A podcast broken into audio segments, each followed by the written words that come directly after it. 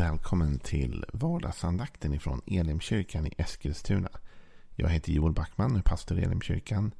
Om du vill veta mer om vår församling, vilka vi är, vad vi står för eller ta del av något av det vi erbjuder gratis eh, som inspelade gudstjänster, eh, hemgruppsmaterial, vardagsandakter, mycket annat. Så gå upp på vår hemsida www.elimkyrkan.com. Du kan också gå in och likea vår Facebook-sida Elimkyrkan Eskilstuna. Eller gå in och prenumerera på vår YouTube-kanal. Den här veckan vill jag också fortsätta slå ett slag för den bibelskola som vi har eh, i samarbete med Bromma folkhögskola och har haft under några år. Heter Bibelskola Tillsammans. Skillnaden i år då och inför hösten är att vi går digitalt. Med tanke på allt som händer och har hänt i världen så blir det en digital utbildning på 50 procent. Så du kan gå upp och ansöka nu på elimkyrkan.com eller på Bromma folkhögskola. Eh, gör det nu så att du inte missar detta. Eh, och det är CSN-berättigat för dig som vill ha det. 50% som sagt halvfart. Det är snart semester och eh, jag kommer pausa lite grann. Och vi kommer inte stänga ner vardagsandakten helt men den kommer bli annorlunda. Så från och med nästa vecka så kommer du bara ungefär få en sån här andakt i veckan. Eh, och det kan hända att den är lite längre än de här. Men ungefär så här. Och eh, det kommer vara så under några veckor då medan vi har semester. Sen återkommer vi igen. Så det blir ingen superlång paus. Men det blir ändå en liten paus. Vi behöver få eh, vila lite och lapa lite sol som man säger. det är viktigt det med. Men vad gör vi då den här veckan innan vi kommer till, eh, till pausen? Jo, vi ska gå igenom en av mina favoritsalmer. Och en av de salmer som man ofta liksom tar som det första när man börjar läsa Bibeln eller vill förklara varför det är viktigt och gott att läsa Bibeln. Det är en kort men väldigt koncis psalm som också handlar om hur livet ska levas och hur man ska göra för att få livet att blomstra i tid och otid. Det är den första salmen i Saltaren och vi ska läsa den tillsammans. Så här står det. Lycklig den som inte följer de gudlösa, inte går syndares väg eller sitter bland hädare utan har sin lust i Herrens lag och läser den dag och natt. Han är som ett träd planterat nära vatten. Det bär sin frukt i rätt tid. Aldrig vissnar bladen och allt vad han gör går väl. Inte så med de gudlösa. De lika, liknar agnar som vinden för bort. Därför döms de gudlösa där rätten råder och syndarna i de rättrådigas krets. Herren är med på de rättfärdigas väg, men de gudlösas väg leder till intet. Första man kan bara påpeka om den här salmen det är att den beskriver livet på två sätt kan man säga. Den beskriver livet ett som en resa. För så slutar ju salmen, eller hur?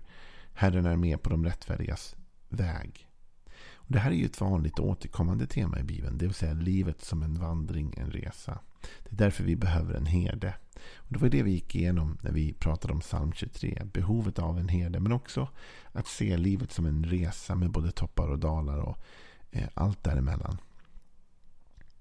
Det rättfärdigas väg är Herren med på. Men det gudlösas väg leder till intet. Så det beskriver att livet har, är en, en resa, en väg. Men också att livet kan färdas på olika sätt. Vi kan välja olika vägar i livet och resultatet kommer bli radikalt olika. Sen beskriver den livet som säsongsbetonat kan man säga. För det talas om blad som ska blomstra i rätt tid. Eh, och det talas om, om frukt. Då. Och då vet vi att då handlar det om säsonger, eller hur? Vissa eh, tider på året så blomstrar det och vissa tider på året så gör det inte det.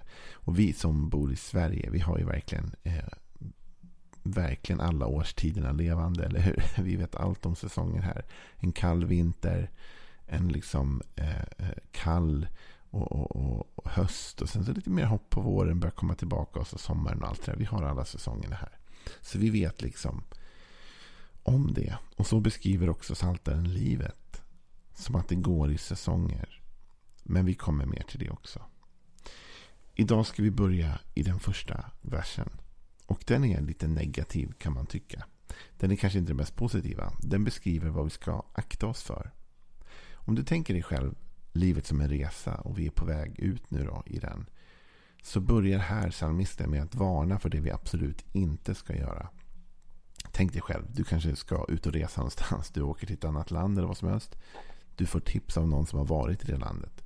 Och då finns det ju två saker man kan göra liksom, när man ger tips. Då. Om någon säger, har du någonsin varit där? Nej, eller ja. Och, och då kan man säga nummer ett, gör det här. Det här får du inte missa. Det här är liksom det häftiga.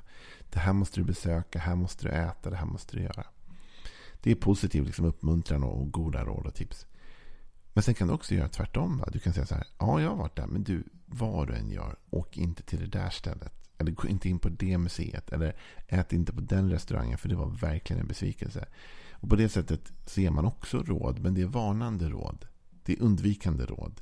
Om du vill ha en trevlig resa, gör inte det här. Utan gör det här istället. Psalmisten börjar när han beskriver här eh, livet. Och han börjar med tre saker som vi inte bör göra. Och det beskriver tre kategorier av människor. Eh, och de här tre kategorierna av människor kan man säga beskriver tre olika tankesätt. Det kanske låter krångligt och rörigt, men tro mig, det kommer klarna ganska snabbt. När man först läser det så kanske man tänker att det är samma kategori, men det är inte det. Lyssna. Lycklig den som inte följer det gudlösa, inte går syndares väg eller sitter bland hädare. Då kanske någon säger, men det är väl samma sak, gudlös, syndare, hädare. Det är inte nödvändigtvis samma sak. Men jag tror att det är en progression. Jag tror att de här tre följer på varandra. Och jag tror att psalmisten har fångat det precis rätt. Lägg märke till att han säger lycklig den som inte. Så här börjar han med de råden. va? Antiråden. Eller vad man ska säga. Det är råd men det är saker vi inte ska göra. Han säger gör inte detta om du vill bli lycklig. Följ inte de gudlösa. De gudlösa, vilka är det egentligen? Jag höll på att säga det är väldigt mycket Sverige på något sätt. De gudlösa, det är de som inte lever som att Gud ens finns eller existerar. Det är faktiskt en ganska radikal skillnad ofta mellan det och det hed, eller hädniska. För det hädniska det är ett uppror gentemot Gud. Och det är klart, det kan gudlösa också ha. Men framförallt är gudlösheten ovetande. Gudlösheten är ignorant. Det är de människor som bara antar eller tror att det finns ingen gud. Och jag lever mitt liv som att det inte finns någon gud. Jag, jag liksom behöver inte svara inför någon högre makt. Jag har ingen som leder mina steg. Jag har ingen att vända mig till. Det finns inget mer än det vi ser. Det vi har är vetenskapen. Eller det vi har är, är det mänskliga. Det finns inget utöver detta. Det är de gudlösa. Bibeln säger att vi är lycklig om vi inte följer de gudlösa. De gudlösa leder inte till lycka. Det kom ut eh, för något år sedan. Ganska intressant. Jag tog upp det på den bibelskola jag tipsade om tidigare. När vi talade lite grann om apokalyptik. Så är det så att en av de världsledande ateisterna har gått ut och sagt att det tycks som, som att liksom det inte är till samhällets eh, väl att Gud har slutat existera för människor. Han säger att när människor börjar leva som att Gud inte finns tycks det som att de beter sig hur illa som helst. När de inte tror att de har någon överhet över sig, när de inte tror att de har någon de behöver svara inför, så faller etik och moral tycks det som. Det är spännande. Det var inte en kristen som sa det, det var en ateist. Lycklig den som inte följer de gudlösa. Vet du, gudlösa är på ett sätt ett, ett, ett, på något sätt fint sätt att säga det på. Bibeln har betydligt sämre ord att säga det på. Så här säger faktiskt Psaltaren 53 och vers 2. Dårarna tänker, det finns ingen Gud. De handlar fördärvligt och skändligt. Ingen gör det goda. Dårarna tänker det finns ingen Gud. Så här säger Psaltaren, det är inte en intellektuell grej att, att leva som att Gud inte finns. Det är faktiskt idiotiskt. Och så säger han då det, precis det vi hörde när ateisten slår ett slag för. Det vill säga om det inte finns någon Gud, om vi lever som att, att Gud inte existerar, då, då heller existerar på ett sätt ingen etik och moral i djupare mening mer än det samhället formar. Och då blir det vad? Det blir resultatet blir att de handlar fördärvligt och skändligt. Ingen gör det goda. Därför vi tror inte att vi behöver stå till svars inför någon. Och då tror vi att vi kan leva livet precis hur som helst. Men det blir man inte lycklig av. Så den första kategorin vi ska akta oss för det är de gudlösa. Men det är inte detsamma som syndare. Syndare det är de som helt enkelt gör fel. gör emot Guds tanke och Guds vilja. Synd betyder att missa målet. När vi syndar så lever vi utanför Guds tanke och plan. Vi gör det som Gud inte hade som intention att vi skulle göra. Vi bryter mot hans ordningar och hans lagar. Och det leder inte heller till någon vidare lycka. Så här står det att vi ska inte gå syndares väg. Vi ska gå Guds väg. Vi ska vandra hans väg om vi vill finna lycka i livet. Jesus han talar lite grann om detta faktiskt. Och han säger i Matteus 7 och vers 13 så här. Gå in genom den trånga porten. Ty den port är vid och den väg är bred som leder till fördärvet. Och det är många som går in genom den. Men den port är trång och den väg är smal som leder till livet. Och det är få som finner den. Så här handlar det om att hitta den rätta vägen. Det är många som går syndares väg. Det är många som bara följer med i det gudlösas. Du vet, det gudlösa leder till synd. Det gudlösa är inte nödvändigtvis detsamma som synd. Men det leder dit. Det vill säga, om jag lever livet som att Gud inte existerar, då kommer jag ju inte att följa hans lagar. Då kommer jag att göra på ett annat sätt. Och då kommer jag med andra ord att synda. Och den vägen leder till fördärvet, säger Jesus. Och den är bred och det är många som vandrar där. Och det är liksom lätt att haka på. Men Bibeln säger att vi ska akta oss för den vägen. Den leder inte till något gott. Så det gudlösa livet leder till synd. Om man tänker Gud finns inte, då tar man inte heller någon hänsyn till vad han har att säga. Och då leder det fel. Och har man riktig otur så leder, leder det hela vägen till det hädiska. För i Psaltaren 1 så avslutas det på det sättet att vi ska inte följa de gudlösa. Vi ska inte gå på syndares väg. Eller sitta bland hädare. Och det här är väldigt intressant. För hädare är en helt annan kategori. Hädare, det handlar om de som trotsigt. De som trotsar Gud. De som medvetet sätter sig upp emot honom. Nu har vi på något sätt gått förbi bara snubblandet. va? Du kanske börjar som gudlös, tänker Gud finns inte. Och det gör ju att du gör inte som han säger eller tänker. Du följer inte Bibeln, för varför skulle du det? Och då är du helt plötsligt inne på syndares väg. Men om du har otur så leder syndares väg till det hädiska. Det hädiska är det som inte bara vandrar bort ifrån Gud, utan det är det som sätter sig i konfrontation med Gud.